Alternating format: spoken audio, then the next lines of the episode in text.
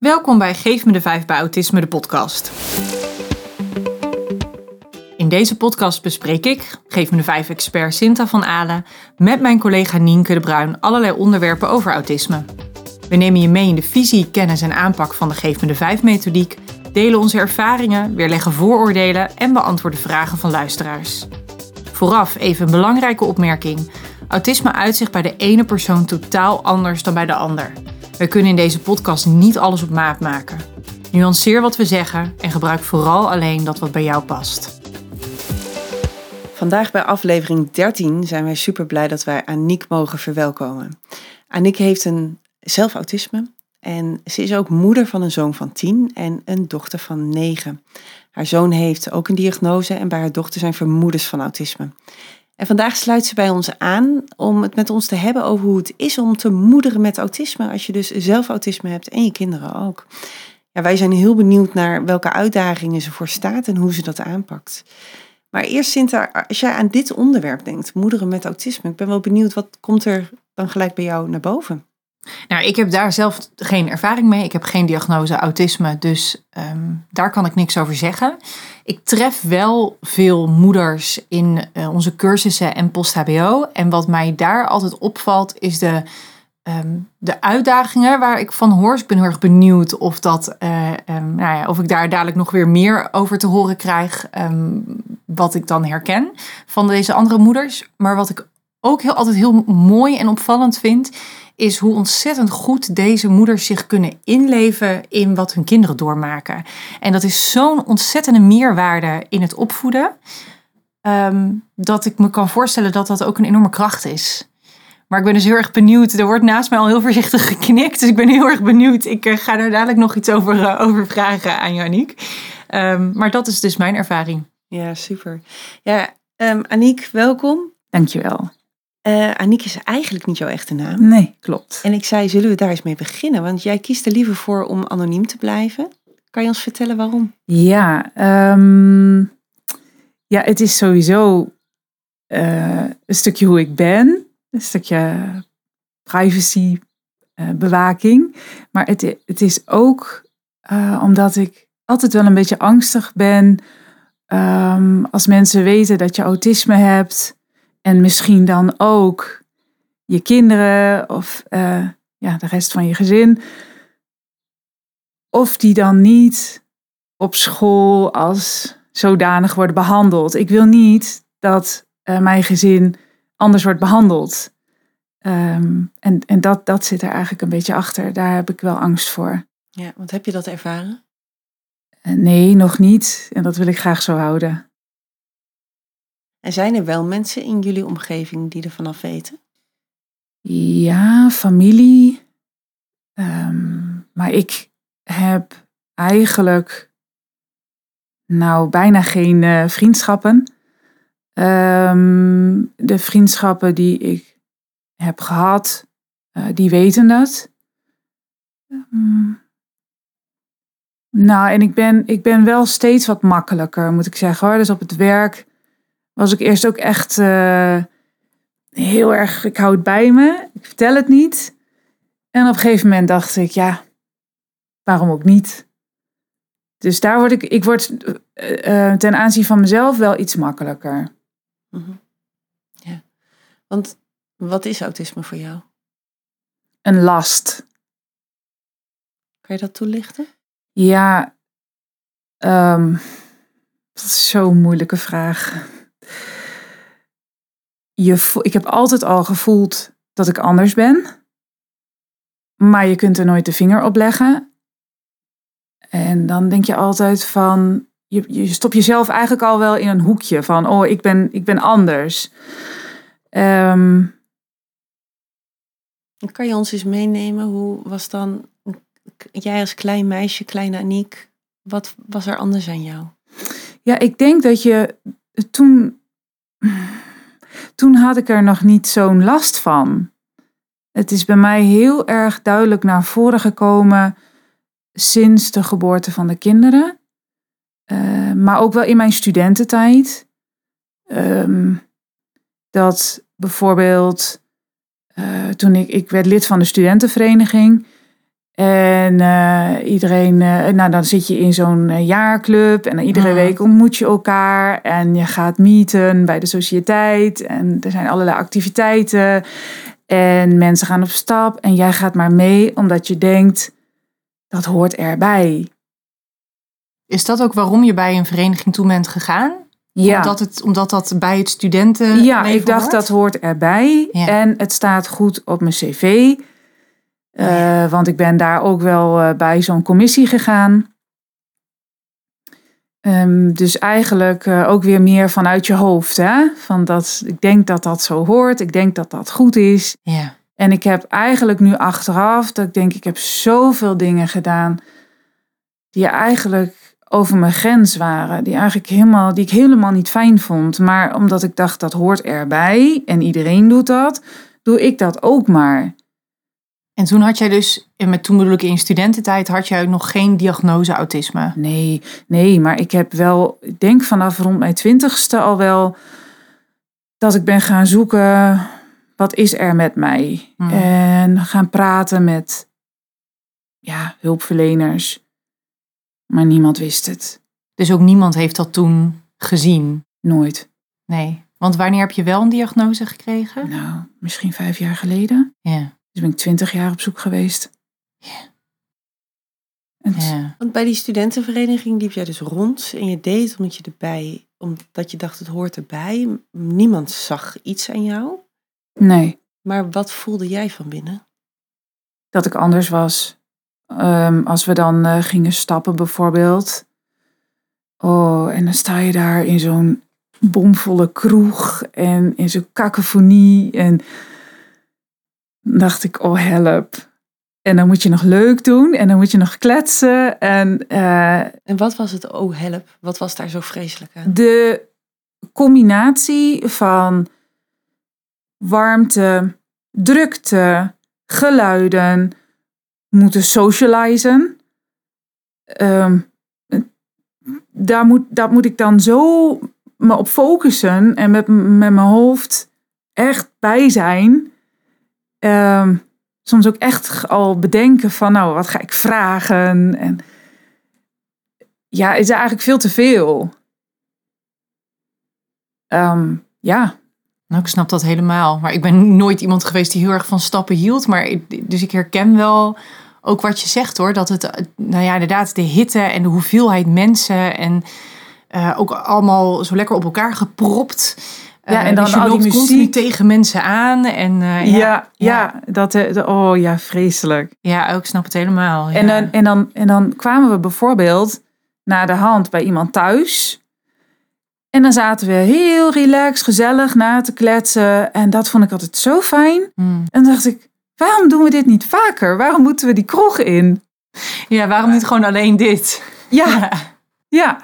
ja. Ja, dan, da, daar merk je dat al gewoon aan. Ja, dus Ja. dat was eigenlijk de tijd waarin het begon, waarin je merkte, ik voel me niet fijn, ik ben anders. Eh, Ja, ja want dan worden de mm, eh, verantwoordelijkheden ook eh, groter. Ehm, je wereld wordt groter. Ik zat eerst op de middelbare. Nou, dat is dan nog wel overzichtelijk. Ehm, ja, ik ging altijd in het dorp naar de discotheek. Daar ken je iedereen. Het is heel laagdrempelig. Nou, dus je Ja. redt het allemaal, je doet het allemaal. Ja, en toen ging ik, naar, eh, toen ging ik studeren. Nou, alleen al dat, dat complex, dat was zo groot. Ja, Ja, gewoon het universiteitsgebouw, zeg maar, waar Ja. je colleges had en zo. ja. en ja. dan deed ik een, eh, een internationale studie. Dus je hebt ook nog te maken met internationale studenten, met andere eh, opvattingen, andere culturen, normen, waarden. Nou, dat is steeds eh, schakelen, in groepjes moeten werken. eh, ja, Heel veel, echt een enorme omslag in Ja. wat er van je gevraagd wordt en verwacht wordt. ja, Ja, En dan ga je natuurlijk op jezelf wonen. Wat aan de ene kant heel fijn is, want? omdat je dan zelf kunt bepalen wanneer ga ik eten, eh, wanneer ga ik slapen. Ik hoef niet echt rustig te doen, want je woont in een studentenhuis. Dus Vrijheid. vrijheid. Ja. ja. En ook, ook een stukje controle wat je dan natuurlijk hebt over de dag. Je hoeft op, met, niet met gezinsleden af te stemmen. precies. Je kunt meer je eigen ding doen. En eh, je hebt natuurlijk je rooster van je colleges en je, en je werkgroepen en dergelijke. Maar, eh, maar daaromheen ja, kun je eigen keuzes maken. Ja, ja, Klopt. ja snap ik wel. Ja. En tegelijkertijd vroeg het ook meer van je? Het op jezelf wonen? Ehm, nou, dat, dat op mezelf wonen aan zich, dat ging prima. Want ja, ik weet precies eh, wa- wat ik moet doen. De stapjes. Het eten, eh, boodschappen doen, eten koken, wasje doen. Die dingen, dat, eh, dat, dat, dat lukt allemaal wel. En als je in het studentenleven zit, dan is vaak niet alles ook heel strak of zo. Ja, de- je, je collegetijden, maar dat is het dan ook wel. Dus daar, dat is meer het sociale gedeelte waar ik, eh, waar ik moeite mee had. En ik voelde altijd dat ik zo druk was. En mijn jaarclubgenoot zei wel eens tegen mij: "Ja, maar waar ben je dan nou, nou zo druk mee? Ik zeg ja, maar alle, dat kun je niet uitleggen, maar alles is een stapje voor mij. En ieder stapje doe ik in mijn hoofd. En daar waar iemand gewoon een tafel gaat dekken, denk ik van: oké, we zijn met vier mensen. Ik ga nu vier borden pakken. Dan ga ik nu vier messen pakken. Dan ga ik nu dit doen. Dan ga ik nu dat doen. Ehm, zo, weet je, het is zo eh, projectmatig. De hele dag door. Alles. Wat leg je er prachtig uit. Want eigenlijk alles wat jij doet, wat andere mensen onbewust doen, wat geautomatiseerd is, ja. doe jij heel bewust stap voor stap in je hoofd. Dus het vraagt allemaal ruimte, denkruimte van jou. En je zei dus straks, je had die, tijdens je studententijd hadden we het er nu even over, eh, nog geen diagnose, maar bij jou kwam nou echt zeg maar de omslag toen je je eerste kind kreeg. Ja joh, want ik dacht, als ik eh, kinderen krijg, niet dat ik daarom kinderen eh, heb genomen hoor, of voor kinderen heb gekozen, maar ik dacht, dan zou ik wel makkelijker worden. Want de baby leidt je.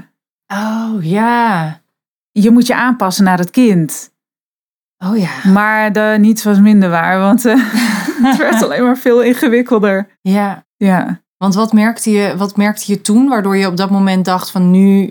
Want ik ga er even vanuit dat er toen dus een moment kwam waarop je dacht dit, dit trek ik niet meer. Op het moment dat, dat er rond die tijd een diagnose is gekomen. Of eigenlijk nee, pas korter geleden dus. Maar je zei net, er zat daar eigenlijk een omslag in. En ik ben wel nieuwsgierig, wat is dan het verschil? snap ik. Wat gebeurde er toen? Ehm, nou, sowieso leef je veel meer op de klok. Ehm, en je hebt een, eh, een, ja, een nieuw persoon in je gezin waar je rekening mee moet houden. Dus dat betekent allemaal extra stapjes. Ehm, ja, en omdat een baby helemaal niks kan, moet je alles voor de baby doen. Hmm. Ja, dus je zit met je, je voedingen. Ehm, ja, je moet verschonen. Het kindje moet gewassen worden. Dat is allemaal extra wat je eerst niet had. En bijvoorbeeld met kolven. Je moet kolven. Dat, want de borstvoeding, dat ging niet. Eh, dus dat moet je ook allemaal inplannen. En ook dat ging heel moeizaam. Ja, omdat je natuurlijk, ik was zo super gestrest in die, in die, in die hele kraamtijd en de hele babytijd. En Waar was je dan gestrest van? Was, waren het die taken allemaal die erbij Ja. kwamen? ja, ik heb, eh, ik moet heel eerlijk zeggen, eh, dat was echt geen roze wolk voor mij. Terwijl je die wel verwacht had. Je had verwacht, de baby komt, het gaat me helpen, want die baby gaat mij nog meer lijden. Mm.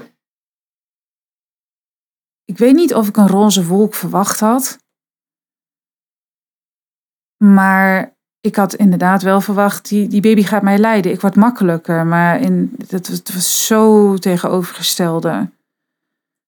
Nou, ik kan me goed voorstellen hoor, want ik vond mijn dochter is bijna anderhalf, dus ik, nou, ik zit nog met één been in die babytijd. En ik vond het al heftig, inderdaad, de hoeveelheid tijd die, die al die taakjes inderdaad kosten. En als je één cyclus van een, een voeding en een slaapje en een luier hebt gehad, dan dient de volgende zich alweer aan. En als ik hoor hoe jij net mooi omschreef hoe zoiets als tafeldekken al uit zoveel meer kleine taakjes bestaat. Ja, als ik dat plak op al die taken rondom een baby en die dan nog weer uitsplits in nog weer tien kleine taakjes, ja, dan kan ik me helemaal Ja. voorstellen hoe je, ehm, hoe, hoe je daardoor, ehm, ja, ja, hoe moet ik dat zeggen? Zwaar, ja, hoe zwaar dat is. ja, zwaar overbelast eigenlijk. Hè? Dan mag ik Ja. heel even tussendoor nog inbreken en terugkomen op de roze wolk. Want ik wil eigenlijk alle luisteraars vragen om iedereen in een omgeving die zwanger wil worden of zwanger is of een kindje verwacht, te vertellen dat deze roze wolk zo goed als niet bestaat. Het, Ja. is, het is een idee wat mensen hebben, terwijl het leven is het leven. En het leven is nooit alleen maar een roze wolk. Ook niet op het moment dat je een baby krijgt. Natuurlijk, als je naar het gezichtje van je babytje kijkt en die lacht de eerste keer of doet de eerste keer iets knaps, kan dat je even overnemen van geluk. Kan je even zo'n momentje gevoelen, voelen. Maar dat is het leven. Het leven is soms zo'n moment voelen. En voor de rest is het leven vooral ja, heel veel verschillende dingen op een dag. Heel veel verschillende gevoelens en ervaringen. En ook heel vaak gewoon maar je ding doen. Ook als je een baby krijgt. Ja. Nou, daar sluit ik me wel bij aan. Ik heb, ook, ik heb dat ook niet zo ervaren hoor, als een, eh, een maandenlange aaneenschakeling van, eh, van geluk. Nee, dat zijn pieken en dalen inderdaad. Zeker. En toch kan ik me tegelijkertijd ook voorstellen, ik heb, ik heb ook weer niet eh, die overbelasting ervaren. Dus ik kan me heel goed voorstellen hoe als, nou ik vond het al veel taken. Ja, ja. Dus als ik die taken ook nog eens inderdaad uitsplitst in, in dat iedere taak uit tien taken Ja, bestaat, ja. of misschien wel meer. ja. Ja, ik kan het helemaal voor me zien. Ja, en dan heb je nog te maken met ehm, de dingen eh, die erbij komen, zoals een, een, een kraamhulp in huis. Nou, dat, dat vond ik echt vreselijk. Ook een gefriemel aan je lijf en eh, ehm, ja, die inbreuk op je privacy. En dan die verplichtingen van, ja, wij woonden dan in een buurt waar het gebruikelijk was dat er dan zo'n dat de buurt dan zo'n paal gaat zetten. En als je net bent bevallen en het was een zware bevalling dat mensen dan willen kijken. En dan was het ook nog eens een keertje de gewoonte dat je die mensen dan binnen uitnodigde. En ik dacht alleen maar ga weg. Ik wil dit helemaal niet. Kon je dat ook zeggen dan toen? nee. Dus dat, dus dat gebeurde, want dat hoorde zo.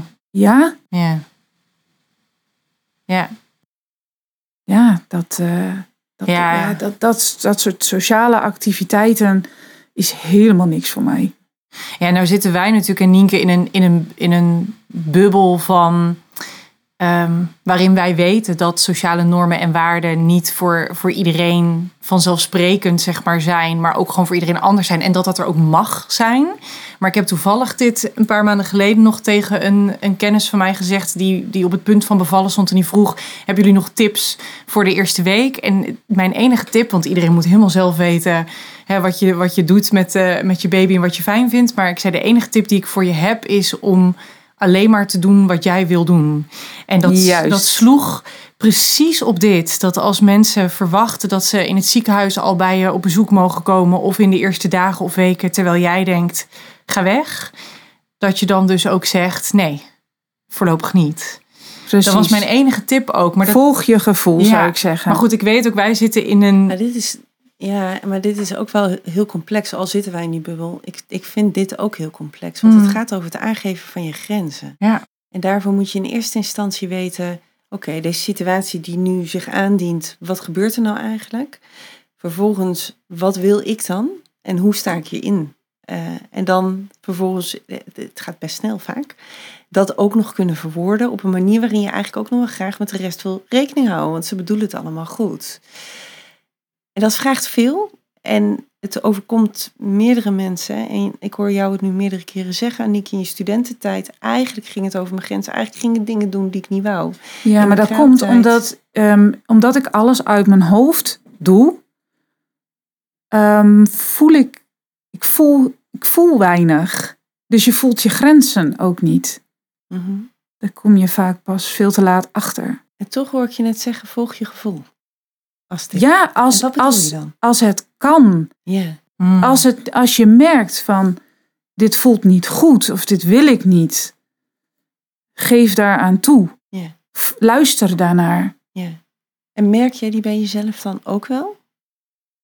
Soms. Maar die is moeilijk. Dat is moeilijk. En daar komt nog eens een keer bij dat ik. ehm, ik weet niet of dat een eh, persoons. een eh, karaktertrek is, dat woord zocht ik. Ehm, maar ik zet mezelf altijd eigenlijk op de laatste plek. En eh, ik, ik, ga, ik ga maar door en ik ga maar door. Ook omdat ik denk dat dat moet. Ik doe heel veel dingen omdat ik denk dat dat zo hoort. En dat is net als met opvoeden. Eh, ik, doe de dingen omdat ik denk dat ze zo moeten. En wat betekent dat in het kader van opvoeden?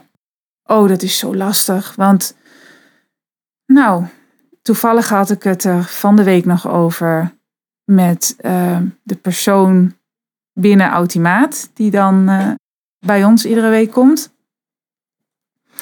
En toen zei ik van, ik vertel iedere keer als de kinderen naar buiten gaan, doe wat aan je voeten, doe wat aan je voeten. En ze doen het nooit. En dan denk ik, moet ik daar nou mee doorgaan? Ik ga daar dan altijd mee door, omdat ik denk dat dat moet. Want dan denk ik, oké, als je dat niet doet, dan heeft mijn kind vieze voeten. Dan eh, wordt het huis vies en dan wordt het bed vies. En dat moet niet. Dus ik blijf het maar zeggen. En toen zei die andere tegen mij, ja, maar wat nou als je het loslaat? Dan gaat je kind met vieze voeten in bed. So what? En dan moet ik echt zo schakelen. Dan denk ik, hé, Ja. is dat ook een mogelijkheid? Eh, ja, ik ben er nog steeds niet aan gewend. Dus En dan kan je hem schakelen? Heb- Is de regel veranderd bij jou thuis? Of moeten ze nog steeds iets aan hun voeten? ze moeten nog steeds wat aan hun voeten. Maar ik, ik geloof niet dat ik er weer wat van heb gezegd. Maar het is ook nog niet, ik heb het ook nog niet geaccepteerd. Ik ben het nog aan het processen. Je bent nog een beetje aan het puzzelen over wat vind ik daarvan Wat en vind wat ik wil ik daarvan? daarmee doen. Ja, ja. En, eh, en het moeilijke is ehm, dat in opvoeding zijn er, ja, tussen onze kinderen is, ja, zijn er veel conflicten. Mm. Dus je moet heel vaak tussen beiden komen en eh, daar wat van vinden. Dan, je, je, moet, je, moet, je moet eerst moet ik denken van, oké, wat ga ik nu doen? Ik moet nu de ene aanhoren en dan de ander aanhoren. Dat heb ik dan gedaan. Dan moet ik daar iets van vinden. Oké, en wat voor consequentie ga ik daar dan aan hangen? En jouw kinderen wachten op een antwoord. Ik moet dat eigenlijk direct geven. Maar soms denk ik, wat moet ik antwoorden? Ik weet het niet. Nee. En wat gebeurt er dan als je zegt, ik weet het niet? Nou, die heb ik nog nooit geprobeerd. Maar Die probeer ik te voorkomen, omdat ik bang ben dat de kinderen ruimte gaan voelen. Oeh, die twijfelt. Dus. En je wilt ook krachtig overkomen. eh, een stukje respect afdwingen. En ik denk, als ik te lang wacht of aarzel, dat ik dat niet opbouw. Ah, ze zit een, een angst onder dat, dat ze jou helemaal niet meer respecteren en losgaan, bij wijze van. Dat is het andere uiterste, maar het is, eh, dat, ja, daar zit wel een stukje angst achter. En wat ook zo super moeilijk is, onze kinderen, en dat zou ieder kind wel hebben, hebben zulke goede geheugens. Hm. Dus dan, ehm, mijn, mijn probleem zit ook in consequent zijn. En het moeilijke is, ik moet een kind begeleiden met autisme, terwijl ik zelf nooit autismebegeleiding heb gehad. dat is zo ongelooflijk moeilijk. Ehm, dus, eh, dus de ene keer dan. En, en dan, wordt, dan wordt verteld hè, vanuit automaat, je moet consequent zijn. Maar dat vind ik een van de moeilijkste dingen. Omdat ik ook wel ehm, qua persoon niet de moeilijkste ben. Dus dan denk ik, als het half negen s'avonds is en ik zit even lekker met mijn zoon en we zijn allebei wat aan het lezen, dan denk ik, ja, we maken die tien minuten nou uit? Waar mijn man dan bijvoorbeeld zegt, ja, nee, we moeten half negen aanhouden, want doen we dat niet, dan is het morgen. Ja, maar gisteren mocht ik ook tien minuten later. Dan denk ik, oh gatsie, moet het allemaal zo streng? Maar de, wat de vorige dag is gebeurd, dat kan ik nog wel onthouden. Maar die kinderen kunnen het wel van een jaar terug onthouden. En dan zijn ze ook nog eens zo dat ze onthouden wat die ander heeft gekregen. En ja, maar zij heeft toen dat gekregen. Uh, ja, en hij dat toen. En dat weet ik toch allemaal niet meer. Zulke slimme kinderen En dan- ook dus. En dan denk ik, oh, hoe moet ik dit nou weer aanvliegen? Eigenlijk hoor ik twee eh, verschillende situaties. Ik kan het in twee categorieën plaatsen, volgens mij. Moet je me, eh, eh, zeg maar of ik gelijk heb. Eh, maar volgens mij is het zo dat als het gaat over feitelijke regels, zoals bedtijd, ehm, eh, maar dat zou misschien ook eh, regels zijn rondom het eten, rondom nou, dat soort zaken, de volgorde van taak in de ochtend. Dan zou jij het liefst heel relaxed zijn. En dan kan jij uitzonderingen maken. Dan heb je de regels wel helder. Maar Ja. als het gaat om nieuwe regels, om regels die minder vaak voorkomen, om regels waarin jij eigenlijk nog niet bepaald hebt wat handig is, wat jij vindt en wat jij belangrijk vindt, dan gaat hij wiebelen. Volgens mij weet je dan, probeer je een regel aan te houden die misschien waar je niet helemaal zeker over bent, of dat überhaupt wel is wat je wil. En dan blijf jij daarover nadenken. Zoals Maar het... het is ook met, met de, de vaste regels. Oké. Ehm, Volgens mij is meer iedere situatie is gewoon net anders. ja, dat Dus is, de- ja, Ja, dus de vaste regel is gewoon half negen naar bed.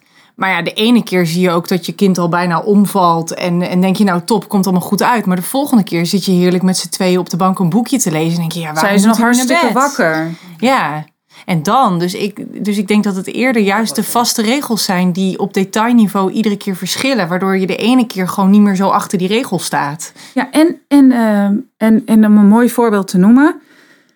De ene mag een half uur later naar bed dan de ander. Maar degene die een half uur eerder naar bed moet, die gaat vaak wel ietsje later omdat eh, de ander naar eh, voetbaltraining moet en je moet eten en je moet diegene nog ophalen. En weet je, het, er zijn zoveel taken om te doen dat je bijna niet uitkomt om, het, om dat eerste, het jongste kind vroeger naar bed te doen. Maar het oudste kind onthoudt dat. Ja, maar zij mocht tien minuten later naar bed.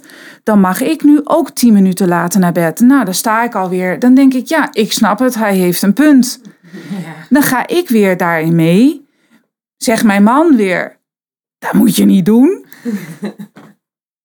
En dan, Oh. dan, dan, of de volgende keer dan zeg ik, gaan we niet doen. Nou, dan heb ik weer een boos kind. Ja. Ehm, Dus je kunt het nooit goed doen. ik, ik kan het nooit goed doen. En ze onthouden alles. Dus alles moet. en Maar ik kan dat niet allemaal onthouden. Of als ik zeg van. Komt nu even niet uit. Ik ga dat ehm, op een ander moment doen.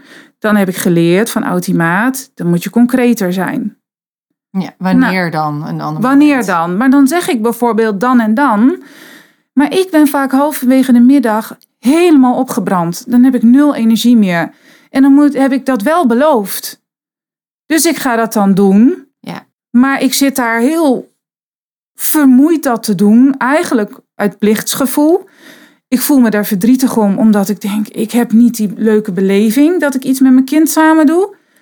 Maar ik voel me ook nog schuldig, omdat ik denk naar mijn kind toe. Omdat ik denk, ja, ik doe dit eigenlijk als een verplicht iets. Ja, zeggen wat je doet en doen wat je zegt. Dus jij hebt gezegd, we gaan dat vanmiddag doen. Dus dan wil je ook dat het gebeurt. Ja, en dat vind ik zo frustrerend dat ik je, je energielevel eh, is gewoon, nou, nagenoeg nul. En, en als we al wat met elkaar gaan doen, is er bijna altijd gesteggel. Dus het is ook niet dat je zegt, nou, je gaat leuk met elkaar op pad. En, eh, en ik had jou dat voorbeeld genoemd van eh, dagje Efteling. Verschrikkelijk. Dus je kunt, dit, dit- dit- het is bijna nooit een leuke situatie. Hmm. Weet je waar ik zo nieuwsgierig naar ben nu? Hè? Want je vertelt hele, ja, heel veel voorbeelden. Ik denk ook echt wel dat er luisteraars zijn die denken... oh, dit herken ik zo, deze worsteling, deze zoektocht. Maar ondertussen zijn jouw kinderen 9 en 10 jaar oud. Dus je doet het al best wel wat jaartjes. Ja. Wat helpt jou hierbij Waarbij? om door die jaren heen te komen? Om het toch te redden? Om het toch... Mijn wilskracht. Hmm. Dat is het. doorgaan? Doorgaan. En ik ben natuurlijk. Ik, ik, ik ben altijd in gesprek met begeleiders. eh, eh, ik- ik zit nu weer bij een GGZ-verpleegkundige. En die kennen Dus mij. je zoekt ook hulp. Ja, ik, ik ben eigenlijk zelf altijd wel in een hulptraject en ik slik medicatie. Eh, dus ehm, Dus jouw kinderen hebben een moeder die enorm grote wilskracht heeft. Ja. Die heel hard doorzet. Maar ook een moeder die heel goed naar ze kijkt. En heel Ja. goed naar ze luistert. ja, ja, ik, ik eh, herkende heel erg wat jij zei in de intro. eh, van je kinderen goed kunnen aanvoelen. En dat is eigenlijk best wel eh, vreemd, denk ik. Want als je autisme hebt, zou je dat niet verwachten. Dat je mensen heel goed kunt aanvoelen. Maar ik, ik, heb, ik heb dat wel heel erg. Nou, in mijn ervaring kunnen mensen met autisme dat juist ontzettend goed. Oké. Ehm, en, en dat zeg ik omdat wat ik merk is dat het, het, beeld een beetje leeft van, oh dan eh, ben je weinig empathisch, kun je je niet inleven Ja. in anderen. Ja. Ehm, maar hoe meer mensen met autisme ik spreek, hoe meer ik het idee heb dat het juist andersom is. Omdat je in de regel goed bent met details, kun je dus ook heel goed bij de ander op detailniveau zien. Hé, hey, jij zit er anders bij dan vijf minuten geleden. Of hé, hey, ik zie dat jij vol begint te lopen. Of, hey, Ja. Alleen wat er dan soms kan zijn, is dat je niet zo goed weet hoe daar dan op af te stemmen. Ja. En dat kan overkomen als, oh je bent niet empathisch of je, je, je eh, ja, kunt andere mensen niet, of je kunt dat niet aanvoelen. Maar ik denk dat je dus juist, maar goed verbeter me als ik dat natuurlijk verkeerd heb. Maar volgens mij kunnen heel veel mensen met autisme een ander juist heel goed aanvoelen. Alleen weten ze niet altijd, wat, wat zie of voel ik dan? Ik noem het eigenlijk altijd in denken. Want in voelen is wat impliceert dat het, dat het vanuit gevoel is van, en en vanuit auto, automatisme Ja, eigenlijk. dat je mee, die- dat je hetzelfde voelt. Ja, en in denken, dan hebben we het weer over de stapjes wat je noemde bij tafeldenken, eh, tafeldekken. Dan komt het door de details die je bewust waarneemt, Ja. waardoor je heel bewust, heel goed kan indenken wat er bij de ander gebeurt. Dus jouw kind staat daar en die zegt, ja, maar daar, hè, die ander die ging ook tien minuten eerder. En dan denk jij je in en dan begrijp je het helemaal. Ja. Ja, en dat is fantastisch, dat is een enorme kracht. Ja. Ja, en, en juist ook, want die kracht, dat is waarom ik dat in het begin ook noemde. Want dat merk ik dus bij heel veel ouders van kinderen met autisme. Omdat ze zelf ook dat rechtvaardigheidsgevoel zo Ja. sterk hebben van die 10 minuten verschil. Ja, dat is het. Kunnen, ja. weet je wat je precies zei, kun je dus ook heel goed voorstellen bij jou zo. Dat je denkt, ja jongen, je hebt ook helemaal gelijk. Het is ook heel oneerlijk. Ja. Ik snap het wel. Terwijl sommige ouders zonder autisme dat horen en denken, nou, tien minuten doen niet zo moeilijk. Maar jij kunt dan naar je zoon kijken en tegen hem zeggen, ja jongen, ik snap het. Ja, Dat is niet eerlijk, die tien minuten. dat klopt. Ja, en tegelijkertijd snap je dan natuurlijk je man ook weer, die eh, Ja. netjes heeft onthouden, ik moet consequent zijn. En die, ja, die kan vooruit kan kijken en kan denken, dan hebben we morgen een probleem. En jij staat er mooi tussenin. Ja, zo voelt dat wel eens, ja. Ja, ja, dat snap ik heel goed. Ja. Ja. Ja. En tegelijkertijd blijft het denk ik wel echt een enorme kracht hoor. Dat je, eh, dat je naast je kinderen kan staan en ze zo goed begrijpt. En ze dat ook Ja, kan teruggeven en maar kan weet je-. Dus, ehm, er wordt altijd gezegd, autisme eh, is, kan, het kan ook iets moois zijn, hè? Maar ik denk, Ik vind het een last. Mm. Ik denk het is iets moois voor een ander. Het, het, is, het is voor mijn kinderen fijn dat ik goed kan inleven, bijvoorbeeld. Het is voor mijn baas fijn dat ik heel goed projectmatig kan werken. Maar wat heb ik er zelf aan? Want ik heb er zelf heel veel last van. Mm. Dus dat, eh, ja, daar heb ik wel eens moeite mee. Ook het beeld van wat, wat je altijd weer ziet in documentaires en in films over autisme. Er wordt altijd zo'n klassiek autist eh, weergegeven. En denk ik, ja, Ja, dat is wel waar. Als je het hebt over vooroordelen. Ja. In films en series gaat het altijd over Ja. iemand die ook zo'n extreem talent heeft voor iets. ja, Die dan Ja. zo'n, ik zeg wel eens wandelende rekenmachine is. Of iemand die... ehm, Oh, er is ook, zo, er is ook zo'n zo'n zo'n reclame, zo'n campagne geweest van een man met autisme die niet kon praten, maar wel bizar goed skylines kon natekenen uit zijn hoofd. Dus dan Ja. had hij een foto gezien van een skyline van New York City en dan kon hij zonder die foto dat op het detailniveau echt het aantal raampjes van de, de, de wolkenkrabbers klopte nog. Ja, dat soort mensen worden vaak uitgelicht hè, in, eh, ja, in de media. ja, ja, en daar heb ik echt wel heel veel moeite mee. Want denk ik, dat is zo totaal niet de realiteit. Ik vertelde laatst ook eh, aan iemand, nou ja, een beetje tussen neus en lippen door, dat ik autisme heb. En ik zag die reactie van, hè?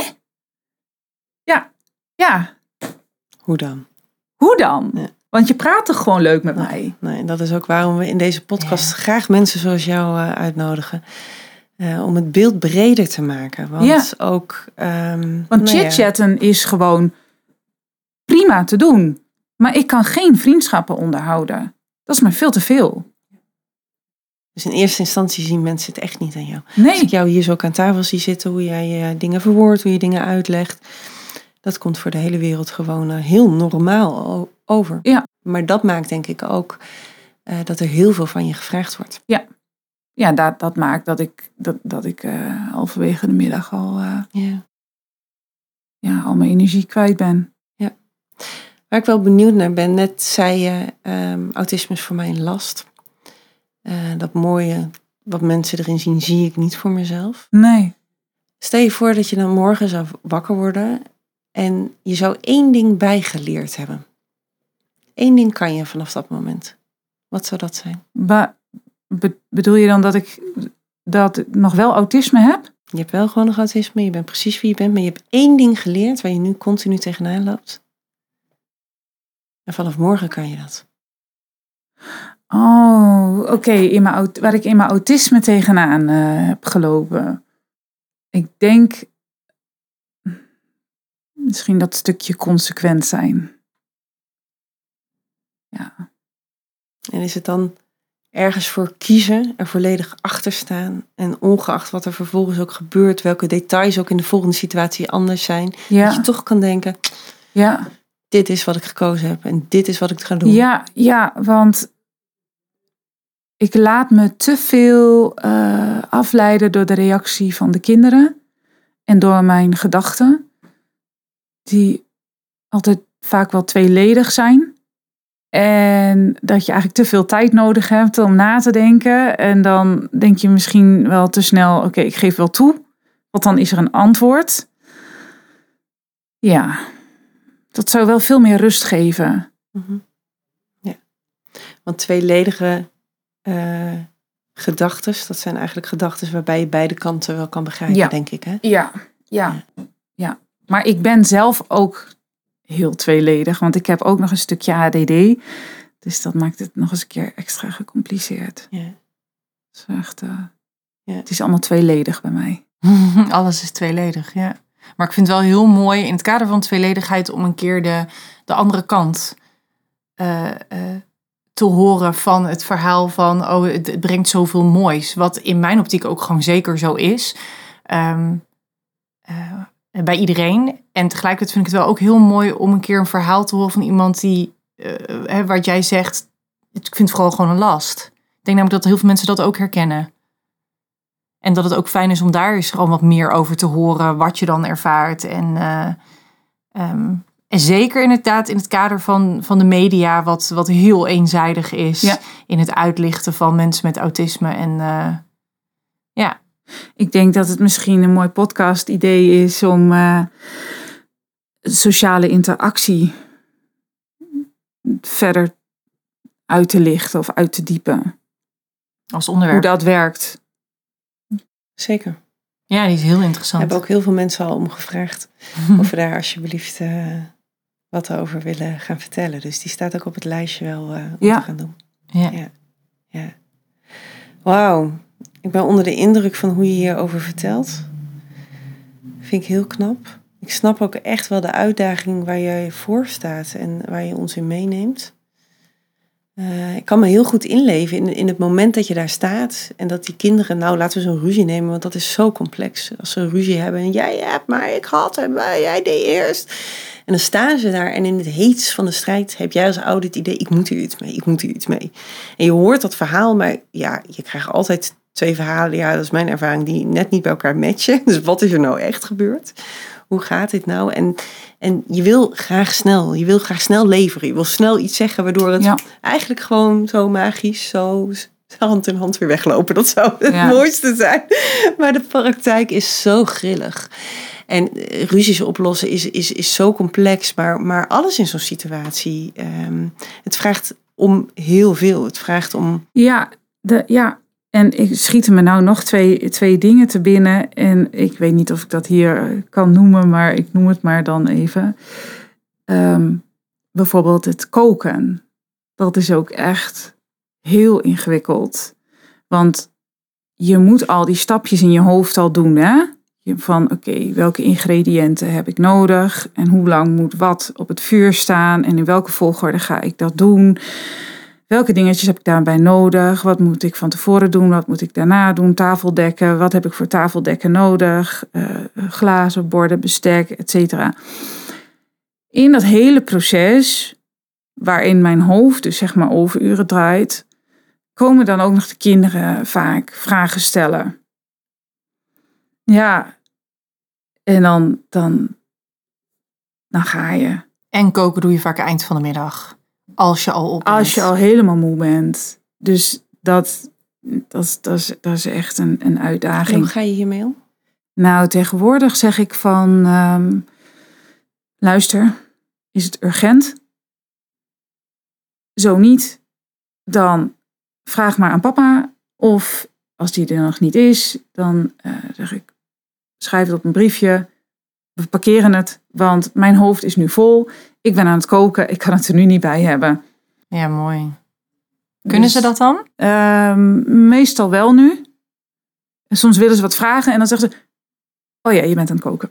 Dus, eh, Oh, wat goed. eh, ja, maar dat, daar gaat ook wel de nodige tijd overheen. Maar dat is wel een ding dat je prima zou kunnen doen. Ja. Maar, eh, oh ja, en dat andere ding wat ik nog wil aanstippen. Ik neem ze wel eens mee naar het zwembad. Nou. Dan zegt de een, mama, ik wil even alleen met jou wat doen.